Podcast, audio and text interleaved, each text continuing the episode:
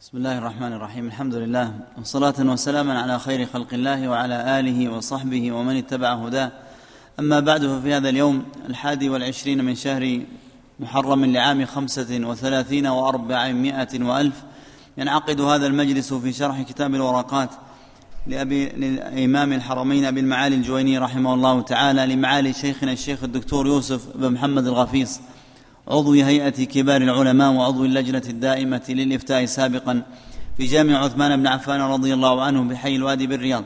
قال رحمه الله تعالى وأما الأخبار فالخبر ما يدخله الصدق والكذب والخبر ينقسم إلى قسمين آحاد ومتواتر. فالمتواتر ما يوجب العلم وهو أن يرى أن يروي جماعة لا يقع التواطؤ على الكذب من مثلهم إلى أن ينتهي إلى المخبر عنه إلى المخبر عنه. ويكون في الأصل عن مشاهدة أو سماع لا عن اجتهاد. والآحاد هو الذي يوجب العمل ولا يوجب العلم وينقسم إلى مرسل ومسند. فالمسند ما اتصل إسناده والمرسل ما لم يتصل إسناده.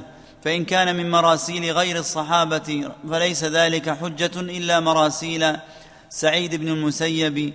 فإنها فشت فوجدت مس فوجدت مسانيد عن النبي صلى الله عليه وسلم. والعنعنة تدخل على الأسانيد. وإذا قرأ الشيخ يجوز نعم. الحمد لله رب العالمين وصلى الله وسلم على نبينا محمد وآله وأصحابه أجمعين. قال أبو المعالي الجويني رحمه الله تعالى في ذكر الأخبار إن الأخبار هي ما يحتمل الصدق والكذب. هذا باعتبار أصل التقسيم في اللغة. لما يقولون الخبر والإنشاء. ولكن الأخبار في لسان أهل الحديث يريدون بها الروايات عن النبي صلى الله عليه وسلم فيدخل فيها ما يسمى في البلاغة واللغة خبرا وما يسمى انشاء في باب الأمر والنهي يقال أخبار النبي صلى الله عليه وسلم أي ما جاء عنه من الرواية ويدخل في ذلك ما كان امرا ثم قال إن الأخبار أي المرويات على هذا لما قسمها إلى متواتر وأحاد بين أنه يريد المرويات أليس كذلك؟ ويدخل في المرويات ما كان خبرا أي يحتمل الصدق والكذب من حيث الماهية وما كان من باب الأمر والنهي وهو ما يسمونه الإنشاء. قال إنها إما متواتر وإما آحاد. هذا التقسيم تقسيم الرواية إلى متواتر وآحاد. وجد في كتب علماء أصول الفقه ووجد في كتب المتكلمين في كتب أصول الدين ووجد في كتب مصطلح الحديث وتكلم به أهل الحديث. فهذا الاصطلاح من حيث الجملة المتواتر والآحاد استعمل في لسان أهل الحديث وشاع في المتأخرين هذا التقسيم في متأخر أهل الحديث المتواتر والآحاد. وأما المتقدمون فإنهم يذكرون اسم التواتر ويذكرون اسم خبر الواحد ورواية الواحد. وأما في كتب علم النظر أو كتب علم الكلام فهذا تقسيم أيضا مسمى وسمي في كتب أصول الفقه. فينظر في اللفظ والمعنى. أما من حيث اللفظ فتقسيم الرواية إلى متواتر وآحاد. من حيث هذا يرجع إلى قاعدة أنه اصطلاح ولا مشاحة في الاصطلاح فهو من حيث المبدأ اللفظي ليس مشكلا. إنما المشكل ما هو الآحاد أو ما هو المتواتر من السنة وما هو الآحاد. المشكل هو الحد وليس أصل التقسيم. أصل التقسيم اصطلاح واستعمل حتى عند بعض متقدمي أهل الحديث. ما هو منه؟ إنما المشكل الحد.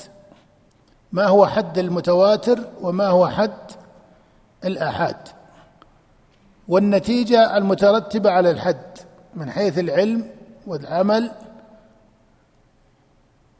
فالذي شاع عند المتأخرين من أهل الأصول وأهل مصطلح الحديث أن المتواتر ما رواه جماعة عن جماعة يستحيل تواطؤهم على الكذب.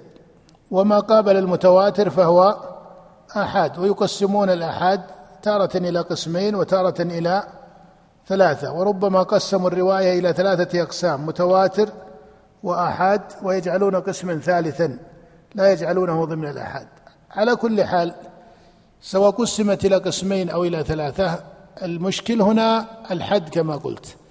إذا قالوا المتواتر ما رواه جماعة عن جماعة يستحيل تواطؤهم على الكذب. وجعلوا المتواتر مفيدا العلم.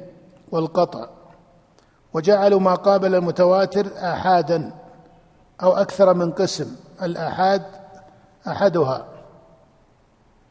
ويجعلون ما قابل المتواتر سواء جعل قسما أو أكثر يجعلونه ماذا؟ لا يفيد لا يفيد ماذا؟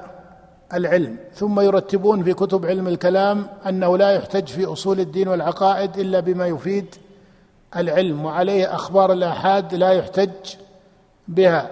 ثم إذا نظرت شرط التواتر الذي سموه وجدته شرطا نظريا ليس من صنعة أئمة الرواية والحديث وإنما هو من صنعة نظار المتكلمين.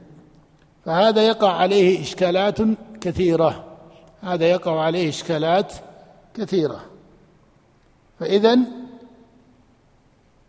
التفصيل في هذه المسألة قد لا يكون الوقت كافيا له ولكن يقال إن المعتبر في تسمية التواتر وخبر الواحد هو منهج المحدثين وبخاصة متقدمي أهل الحديث لأن المتأخرين من الحفاظ قلدوا في هذه المسألة بعض أصحابهم من الأصوليين الناقلين عن كتب المتكلمين.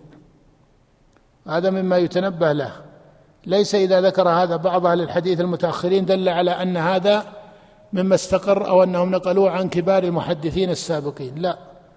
هذا واضح أنه تداخل عليهم من كلام أهل الحديث ومن كلام أصحابهم الموافقين لهم في فروع الشريعة والمقلدين لهم في كتب أصول الفقه. وهي متفرعة بعض كلام نظار الأصوليين عما كتبوه في علم الكلام. ويترتب عليه آثار غير مصححة. يعني على هذا التقسيم الكلامي في الحد. نعم. ثم ذكر أن الآحاد إما أن يكون مسندا وإما أن يكون مرسلا وبين أن مراسيل الصحابة مقبولة وهذا على ما هو مشهور في مذهب الشافعي.